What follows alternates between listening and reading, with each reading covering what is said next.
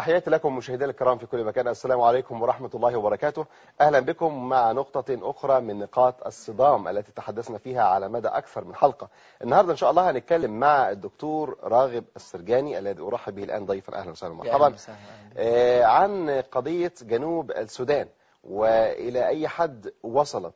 لأن طبعا عرفنا من حضرتك الحلقة اللي فاتت تحديدا نعم. إن كان في آه، يعني قاسم مشترك بين الولايات المتحدة الأمريكية وبين صحيح. الإنجليز. الإنجليز نعم. إيه ال- إيه ال- إيه القصة دي يعني؟ عايزين نعم. نفهمها للساده المشاهدين ونفهمها كويس. طيب بسم الله الحمد لله والصلاة والسلام على رسول الله.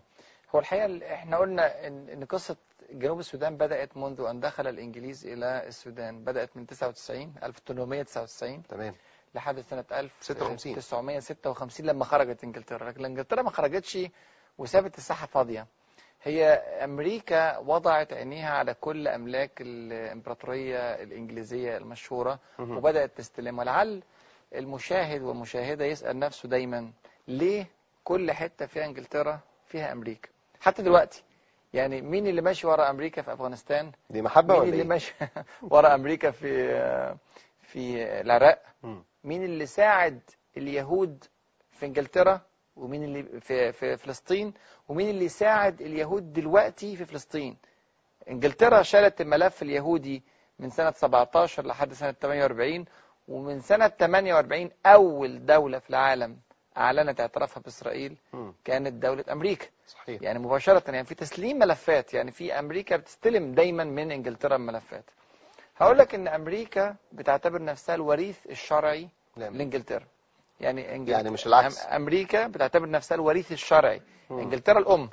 مم. إنجلترا هي الدولة الأم القديمة العريقة اللي بقى لها يعني مئات السنوات مسيطرة على الدنيا. تمام. و... وأمريكا آه، استلمت من إنجلترا بعد ما ضعفت. إنجلترا دخلت الحرب العالمية الثانية مهم. وهي في قمة عظمتها.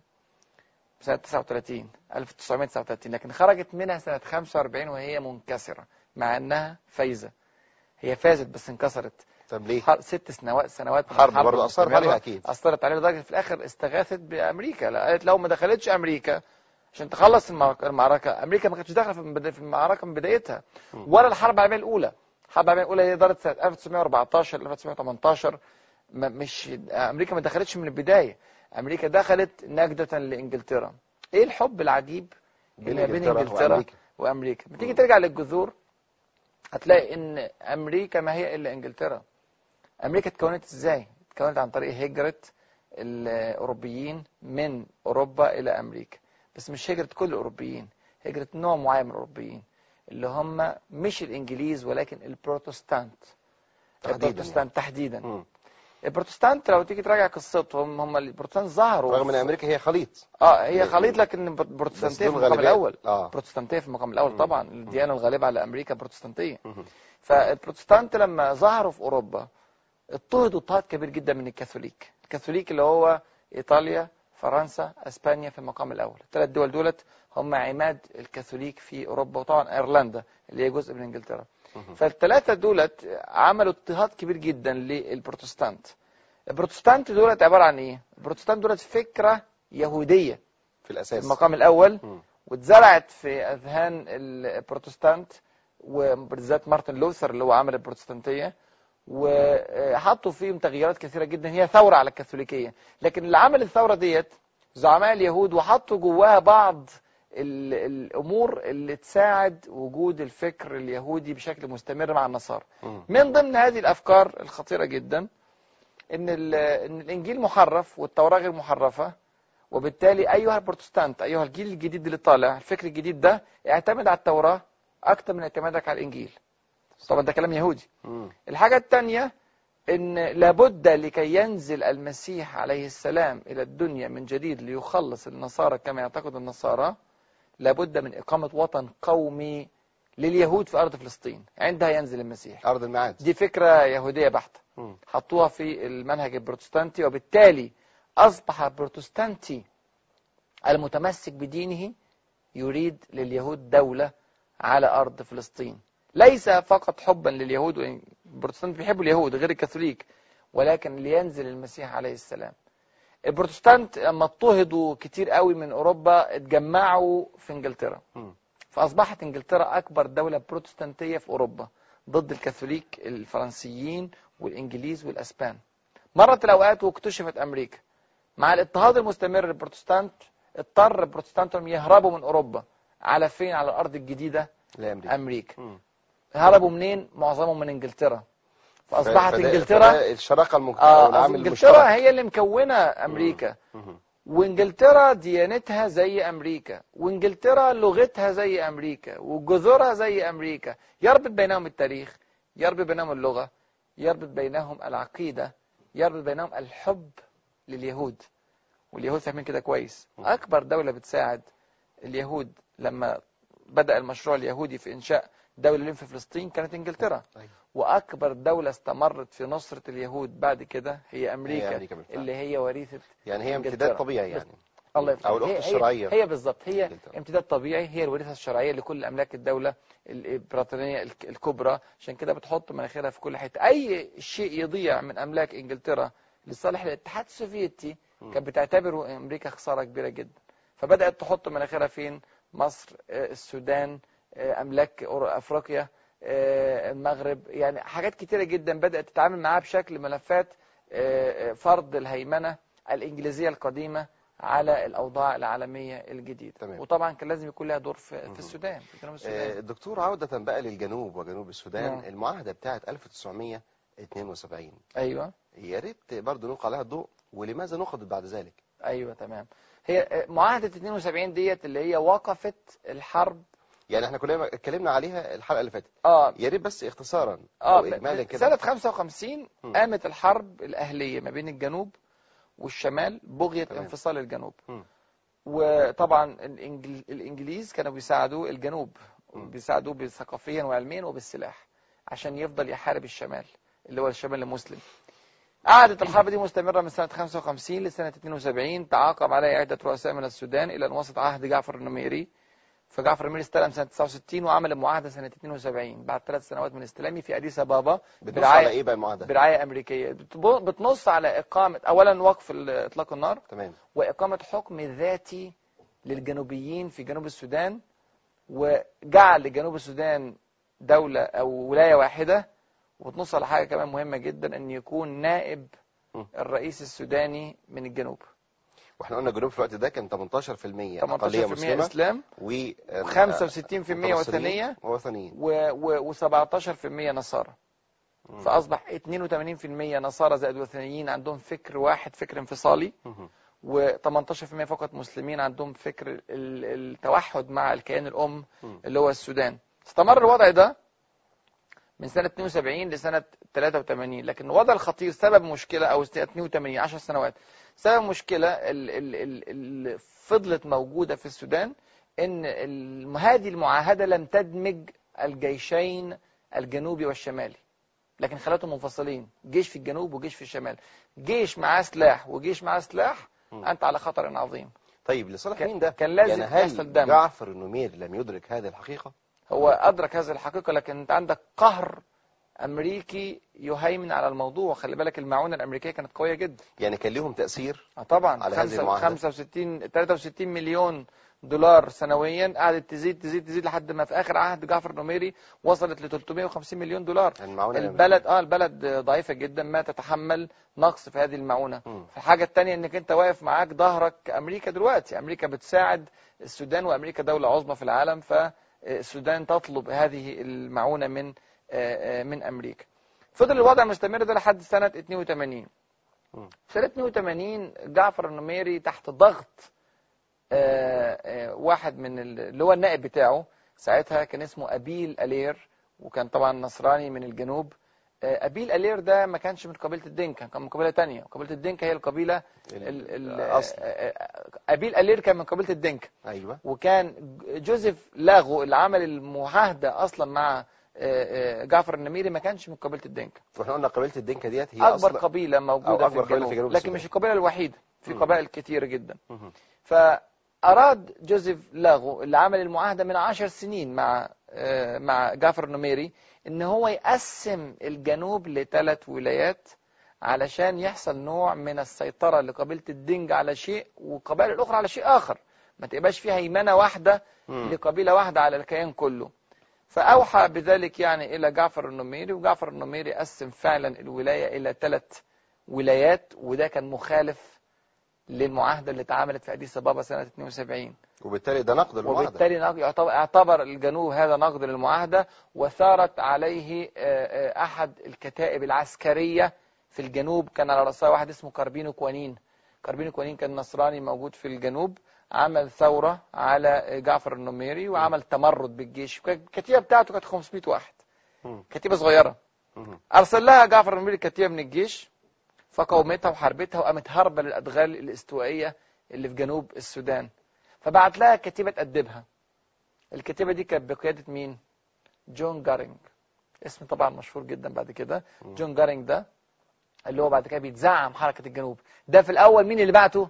جعفر النميري. بالظبط. ده بعته عشان يأدب القبي... ال- الكتيبة اللي انفصلت. خد جون جارينج الكتيبة بتاعته وانطلق إلى آه، آه، كاربينو كوانين عشان يأدبه في الظاهر وانضم إليه وبدأ التمرد الكبير ضد آه، الشمال بدأت الحرب الأهلية من جديد أواخر 82 أوائل 83 وتزعم هذه الحركة جون جارينج وأسس ما يسمى بالحركة الشعبية لتحرير السودان اللي هي الجناح العسكري بتاعها الجيش الشعبي لتحرير السودان اسمها كده. وطبعا خدت الدعم الكامل من الصهاينة. والدعم الكامل من الغرب. ومع ذلك الكلام ده كان 86 كان لسه جعفر النميري موجود. استمر الدعم الأمريكي لجعفر النميري. ما هو ده سؤال يعني آه. لكن آه، استمر رغم ال- ال- الحروب دي. بالظبط. يعني تن بالفعل أو ظل الدعم الأمريكي لجعفر النميري رغم حتى حتى بعد الحرب. حتى بعد الحرب حتى بعد الحرب. ليه الكلام؟ دوت؟ آه ليه الكلام دوت؟ لأن أمريكا عايزة تفضل دايما مسيطرة على الوضع في شمال السودان مم. فعايزة تعمل نوع من العلاقة. مع جعفر النميري بتدي الأموال ديت بتطلب من وراها استخبارات معينة بتطلب منها تواجد قواعد معينة عسكرية وفي نفس الوقت برضو إحنا لاحظنا قبل كده في حرب العراق وإيران إن أمريكا كانت تمد العراق بالسلاح وتمد إيران بصور المواقع العسكرية الموجودة في العراق شايف يعني, تضرب عصفورين بحجر آه الاثنين ببعض يعني بتدي ده سلاح وبتدي ده أماكن وجود السلاح فإيران تضرب السلاح. وأمريكا ترجع تبيع سلاح جديد للعراق والحرب شغالة مستمره ومصانع السلاح بتبيع في أمريكا كسبانة بالظبط آه أمريكا آه. بتبيع في الناحيتين. والدولتين بيضربوا في بعض بيضعفوا بعض هما الاثنين نفس السيناريو ده كان في جنوب السودان علاقات سرية كبيرة جدا مع جون جارينج اللي هو الزعيم النصراني اللي بيتزعم الجنوب مع أمريكا ومع الغرب بشكل عام ومع الصهاينة. وفي نفس الوقت معاونه شغالة ل- لجعفر النميري والحرب مستمرة. وده. يخليني أسأل لحضرتك المعونة إيه سر المعونة الأمريكية؟ يعني إيه اللي يخلي بلد زي أمريكا في أقصى الغرب تدفع لبلد بعيد عنها كل البعد؟ آه. ليه؟ هو, طبعا أمريكا زي ما قلنا أعتقد إحنا اتكلمنا في حاجة زي كده في حلقة سابقة إن أمريكا مش طيبة إنها تدي معونة. أو روسيا أو الصين أو اليابان أي حد بيدي معونة فيها أهداف من وراء المعونة ديت. تمام. الأهداف دي سيطرة آه، آه، أمور عسكرية أمور اقتصادية أمور سياسية أصبح في الحلف بتاعي في الحزب بتاعي أو ركب عليه ديون. أيوه يعني مصر بتدفع دلوقتي ديون كنا متديننا من أيام الخديوي إسماعيل وغيره. الديون ديت بفوائد مركبة عمرها ما تنتهي. السودان يا أخي وصلت في سنة 89 بعد كده بنتكلم إن شاء الله ما قدرتش تدفع فوائد الديون. حصل فيها كوارث اقتصادية نتيجة الفوائد المتركبة من الديون. فطبعا أنا أذكر لك كلمة غريبة قالها آه، واحد أعرفه في في قرية من القرى المصرية. كان بيقول أنا بسلف الناس كتير. ف وهو ما هوش يعني بهذه الطيبة ال- البالغة. فليه قالوا له بسل... قال لي لما قال قال يعني لما بسلف واحد بذله. طبعا هذا سياسة آه يعني. طبعا هذا طبعا فكر آه، غير سوي. بس هو بيحصل إنك لما بتسلف واحد بتذله فعلا. لو انت ما عندكش نوع من ال- الكرم وانك تاخد اللي سلفته فقط ومن غير طلب اللي هو زي ما بنسميه في الإسلام ال- القرض الحسن بالظبط ده مش قرض حسن ده قرض فوائد ربوية مركبة هائلة. بتذل الدولة اللي بتاخد بيها اللي بتاخد القرض ده. وبتفضل تدفع ديون تدفع ديون تدفع ديون وبتبقى انت مستلف في الأول آه، 10 مليون وتلاقي بعد كده انت بتسد 100 مليون وده بالفعل خلاني أثير هذا السؤال رغم إن مشاهدينا الكرام إحنا يمكن اتكلمنا عن الموضوع بالفعل. في حلقة آه، فاتت سابقا ولكن الموضوع ده يمكن مهم جدا. وبيقلق ناس كتير لحد إمتى هيتن في معونة أمريكية سواء في. السودان أو مصر أو في غير اي بلد آه. وهنكمل الموضوع ولكن بعد هذا الفاصل فاصل قصير ونعود إليكم فكونوا معنا. آه، زي ما قلت لحضراتكم يمكن الدكتور راغب أكدنا على حتة المعونة سواء للسودان أو مصر أو غيره. هي مش بتعمل حاجة كده ابتغاء مرضات الله ولكن كل شيء مدروس. يعني كل دولار أو كل جنيه بيدفع طبعا. أكيد بياخدوا في مقابله دولارات أنا عايز أقول لك حاجة تانية في اتفضل. موضوع المعونة ده كويس إنك برضه فتحته تاني. م. إيه، قضية إن المعونة دي بتشغل مصانع ومزارعين أمريكيين ممكن يكونوا في سوق بطالة كبير جدا. لأن دكتور؟ لأن أنا أنا القمح الأمريكي اللي بتصدره أمريكا للبلاد المختلفة أمريكا بتشتريه من المزارعين وبتبيعه للدول كمعونة والدول دي تدفع ديون أصبح المزارع الأمريكي بينتج وهو مطمن إن هو مسوق الإنتاج بتاعه. آه. مصانع السلاح الأمريكية بت- بتصنع سلاح. هنفترض إن أمريكا صنعت 10000 دبابة من نوع معين. بعد كده الدبابات دي بتتطور. فبيعملوا نوع فيرجن جديد أو نوع جديد آه، طالع فات ده ممكن يتكهن اللي فات ده يعني. يتكهن بيتباع بيتباع للدول العربية. لتباع للدول آه. لا يمكن يبيع لك آخر موضة. في السلاح. صح. دايما يبيع لك الموضة اللي قبل كده. يبيع لك انت نوع معين ويبيع لليهود نوع يكون أعلى منه بحيث دايما هو آه، يعني معاه السيطرة. لكن في نفس الوقت بيبيع بيبيع بيبيع. بيدي زي ما اتفقنا آه، صور الخرائط العسكرية لدولة عشان تضرب السلاح اللي هي بيعاه أمريكا للدولة ديت. وبالتالي تبيع تاني وبالتالي بيشغل مصانع السلاح. بيشغل حتى مصانع انت عارف كانت في جت موضة كده اللي هو المعونة الأمريكية بيج... الأتوبيسات صفرة طويلة كده. أيوة. الأتوبيسات دي كانت مكهنه في أمريكا. خلاص ما تمشيش في أمريكا. الأتوبيس في أمريكا بيمشي فترة معينة بعد كده العادم بتاعه لا يصرح له بالسير في شوارع أمريكا عشان بيطلع عادم معين. فهيعملوا إيه في الأتوبيسات الكتيرة الكم ده يدوها معونة للدول النامية الفقيرة الغلبانة يمشي مش مشكلة يطلع العادم بتاعه في الدول ديت ويدفعوا ثمنها ومضاعف يعني أنا الأتوبيس ده ما يتباعش في أمريكا ما يتباعش أصلا خلاص ما يقدرش يمشي في الشارع فيبيعوا للدول النامية مم. والدول النامية ديت سواء في الدول الإسلامية أو الدول الإفريقية أو غيره تشتريه وتدفع عليه فوائد ولسنوات عديدة وكمان رأي سياسي مضغوط لأنها بتاخد معونة وفي الآخر الأمريكا بت- بتبيع الحاجات المتكهنة يعني كسبانة. كسبانة من- من كل الجهات من كل الجهات مم. فطبعا يعني ده يعني تشغيل مصانع تشغيل مزارعين تشغيل اقتصاد أمريكا تشغيل شاحنات تشغيل كذا كذا كذا وبندفع ثمنه مضاعف وكمان راي السياسي مغلوب بسبب المعونة اللي بتاخدها دكتور لو عدنا لجعفر النميري مم. لحد إمتى استمر جعفر النميري هو جعفر النميري حكم من 69 ل 85 طبعا الوضع زي ما هو كده فضل في حرب الجنوب زي ما قلنا من سنة 83 استمر لحد عهده الأخير. مم. لحد ما حصل عليه انقلاب. الانقلاب ده قام بيه شخصية أنا بعتبرها من أفضل الشخصيات المعاصرة في التاريخ الإسلامي. وهو؟ وهو سوار الذهب المشير سوار, سوار الذهب. آه، رحمه الله وأطال الله في عمره يعني. هو من الشخصيات الحقيقة المتميزة. كان بأسباب إيه؟ معلش. هو عمل طبعا في فساد كبير كان موجود في السودان. منها. فساد في الأموال فساد إداري. فساد آه، ولاء آه، مباشر لأمريكا فساد في في الإدارة. يعني أمور كثيرة الدنيا ملخبطة.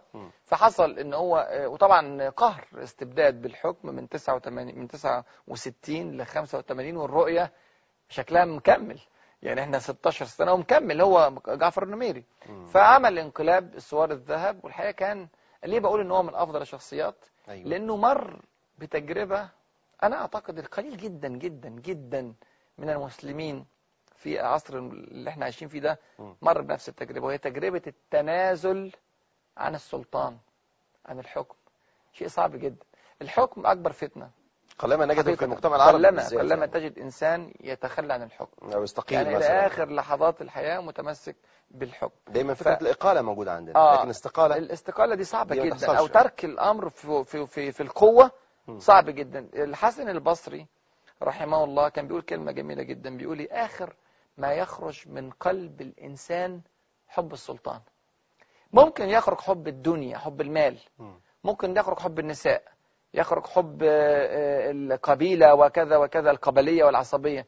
لكن السلطان والحكم والسيطرة ما يخرجش. تشوف الناس بتتصارع على سيطرة نادي. يعني على. مجلس إدارة نادي حب الزعامات دايما صراعات. مسيطر على على حتى ساعات على. مجلس إدارة مسجد. يحصل صراع. على ما على إدارة دولة طبعا يحصل صراع. على إدارة د- دنيا يحصل صراع. فالإدارة والحكم كده إسوار الذهب مسك الحكم وخده من جعفر النميري وبعدين عمل انتخابات حرة وسابها. ما حطش نفسه حتى في الرئاسة ديت. يعني خد بس الفترة الانتقالية ديت وسلم الناس إنها تختار رئيسها بقى. نرجع بقى نختار رئيسنا بجد بدل ما يعني علمهم بذور الديمقراطية على آه الأقل بالظبط. وساب الموضوع ومشي. رحمه الله. وهو طبعا من الشخصيات الإسلامية اللامعة الآن و... وياخد جوائز على مستوى ال... ال... الإسلامي بشكل كبير ومؤثر حقيقة اسلاميا. آه، يعني ربنا يعني يبارك لي في جهده وفي النتائج اللي عملها. وساب عمل انتخابات حره والشعب اختار. الشعب اختار الإسلاميين لأن الشعب زي ما قلنا قبل كده كذا مرة مم. الشعب السوداني فيه فطرة إسلامية يعني طبيعية صحيح. بدون تكلف. فجت حكومة آه، إسلامية ولما قامت الحكومة الإسلامية في السودان. طبعا حصل يعني اشتعال أكثر وأكثر للحرب الأهلية ما بين الشمال والجنوب لأن الجنوب غريبة. يعني رغم سقوط جعفر النميري ما زالت الحرب مشتعلة آه استمرت لأن الحرب ما كانتش بسبب جعفر النميري أك... حقيقة يعني مم. يعني جعفر النميري وإن كان هو اللي قسم الولايات إلى ثلاث ولايات. وحط حركه تمرد عليه. ما كانتش حركة التمرد عشان في ثلاث ولايات هي مم. حركة تمرد هتقوم هتقوم هي بتستغل أي حدث من الأحداث مم. إحنا قلنا قبل كده إن 72 لما وضعت الحرب بين الشمال والجنوب لم توضع الحرب لأن آه، إحنا خلاص لم نرغب في الحرب ولا نرغب في الانفصال ولكن وضعت الحرب لإحداث نوع من الإعداد للجنوب لينفصل من جديد في وقت لاحق. صحيح. وبالتالي لما قامت الحرب سنة 82 أو أواخر 82 أوائل 83 واستمرت حتى بعد سقوط جعفر النميري بل إن الكيان الجديد اللي قام كان إسلامي يخوف الجنوب أكتر. طبعا ويخوف أمريكا أكتر. أو يخوف أمريكا أكتر. بالظبط المعونة الأمريكية بدأت تتقلص لما جعفر النميري مات التوجه الموجود. الإسلامي الموجود طبعا بدأت تتقلص تتقلص لحد ما وصلت إلى الصفر سنة 89 أوائل 89 حتى قبل حكم عمر البشير ليس أوائل. أخرى إلا لهذه ال- الشذوذ طبعا الإسلامية ال- التي طبعا بدأت تسيطر على الساحة معقول أمريكا مهم. الدولة البروتستانتية الكبرى اللي بتساعد اليهود اللي, بت... اللي عايزة تفصل الجنوب هتساعد المسلمين أو دولة إسلامية مم. ولازم المسلمين برضه يكونوا فاهمين كده كويس إن مش ممكن هيكون أسهم المساعدة ليك آه، جاية من أمريكا. حتى لو كان على رأس أمريكا أوباما بقى اللي جذوره اسلاميه ولا فلان اللي هو المتعاطف الكلام ده كله طبعا كلام يعني لازم المسلمين يفهموه. فوقفت المعونة الأمريكية وصلت إلى الصفر انتهت تماما في سنة 89 أوائل 89 وبدأ التوجه الأمريكي للجنوب يكون أكبر وأكبر وخاصة إن أمريكا كانت بدأت في أوائل الثمانينات في أوائل عهد عم آه، جعفر النميري. أوائل قصدي. آه، لا مشكلة الجنوب لما قامت 83 لما حصل الحرب أوائل إعادة الحرب الاهليه الثانية مم. بدأت أمريكا تبعت شركات تنقيب عن البترول في الجنوب وبدأ بعد شركة شيفرون الشركة الأمريكية المشهوره ف- بدات شركه شيفرون تدور تدور تدور. إن في سر هنا. آه بدأوا يحسوا إن في في هذه المنطقة هيكون في اكتشافات واعدة. أعرف دكتور إن هم كانوا أول الناس سباقين بهذه الاكتشافات صحيح. عن السودانيين نفسهم. صحيح. يمكن حاولوا كتير يخفوا ال- الخبر ده عن السودانيين يعني هو أنفسهم. طبعا هل ده السودان صحيح؟ آه السودان طبعا يعني ك- كدولة يعني يعني إمكانياتها ضعيفة.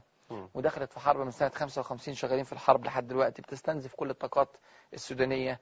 فنتج عن كده إن مفيش عندهم طاقات علمية تقدر تكتشف. أمريكا مسيطرة من سنة 55 لما دخلت بعد خروج الإنجليز سنة 56 دخلت أمريكا مباشرة. فهي من ساعتها وهي عمالة تدور يا ترى البلد دي إيه الخير اللي جواها؟ إزاي ممكن استفيد منها؟ في أوائل الثمانينات بعتت شركة شيفرون واكتشفت شركة شيفرون إن المنطقة دي بتعوم على بحيرة بترول بكر. لم تستغل.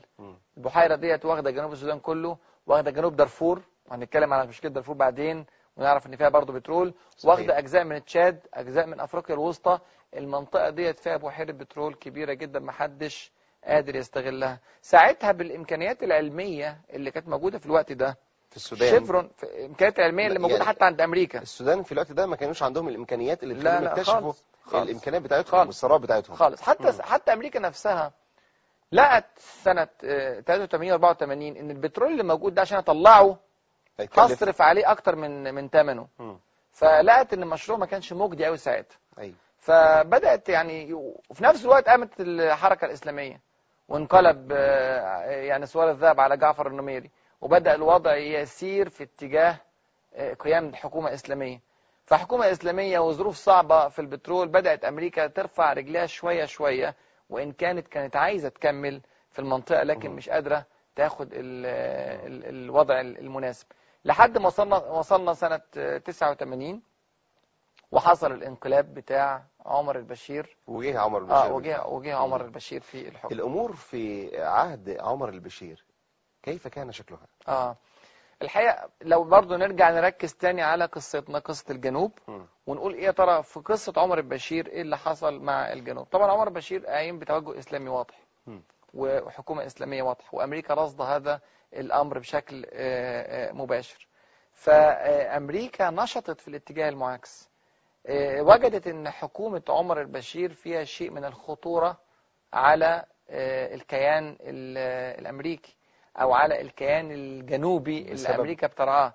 بسبب التوجه الإسلامي لحكومة عمر البشير وبسبب إن عمر البشير أول ما مسك الحكم يعني مسك الحكم سنه 89 مم. 90 كانت إيه المشكلة الكبرى في العالم ساعتها؟ حرب الخليج حرب الكويت والعراق ونزول أمريكا بقوة في منطقة الخليج وتجييش العالم بقوات التحالف عشان تغزو العراق صحيح. وتحرير الكويت ونزول أمريكا بقوة كبيرة. مين واقف قدام الكلام ده؟ عمر البشير واقف قدام الكلام ده. بينما كان العالم العربي معظمه متجه إلى هذا الاتجاه. تمام. عمر البشير واقف فاصبحت أمريكا بترى إن عمر البشير بيعارض السياسات الأمريكية الموجودة في الشرق الأوسط والموجودة في أفريقيا والموجودة في جنوب السودان والموجودة في العراق والكويت يعني عامل قلق وعامل كان مصدر مشاكل. تهديد. آه مصدر وبالتالي اللي حصل آه، إيه؟ وبالتالي معروف بدأ لكل الناس طبعا. آه بدأت طبعا أمريكا تاخد موقف آه، المحكمة الدولية وما شابه آه ذلك طبعا الكلام ده متأخر. و- لكن من ساعتها بدأ طبعا اضطهاد للسودان وقف للمعونة. كامل. بدأت تفكر في فرض نوع من الحصار الاقتصادي. العالم ما مشيش معاها في الحصار الاقتصادي بشكل كبير. فرضت عقوبات اقتصادية على حكومة عمر البشير فردية من أمريكا سنة 97 قالت آه، يعني منعته من من المعونة من بس مش بس المعونه حصار اقتصادي فردي من أمريكا على آه، السودان. ووضعت السودان سنة 93 في قائمة الدول التي ترعى إرهاب ودي خطيرة جدا. يعني خلت السودان من الدول اللي ترعى الإرهاب وبالتالي بدأت معونات العالم مش بس السودان لا تتقلص آه لا تتجه تتقلص من لانها يعني. بترعى ال- ال- ال- الإرهاب ودي نقطة مهمة جدا على آه. فكرة ويمكن مشاهدينا الكرام كده عرفتوا الحقائق أو بعض الحقائق للضغط كل شوية وقوات. حفظ السلام. آه، السودان إحنا مش عاوزين قوات حفظ السلام ورغم ذلك يعني آه، طبعا معلومات قيمة جدا. وكلها بتجيب بعضها أشكرك دكتور راغب وهنا نتوقف وغدا نلتقي إن شاء إن شاء الله. الله. نلتقي معكم غدا إن شاء الله بإذن الله مع نقطة أخرى من نقاط الصدام. حتى ذلك الحين أرجو لكم أوقاتا تغمرها بهجة الإيمان وروعة المحبة والسلام. شكرا لكم وسلام الله عليكم ورحمته وبركاته.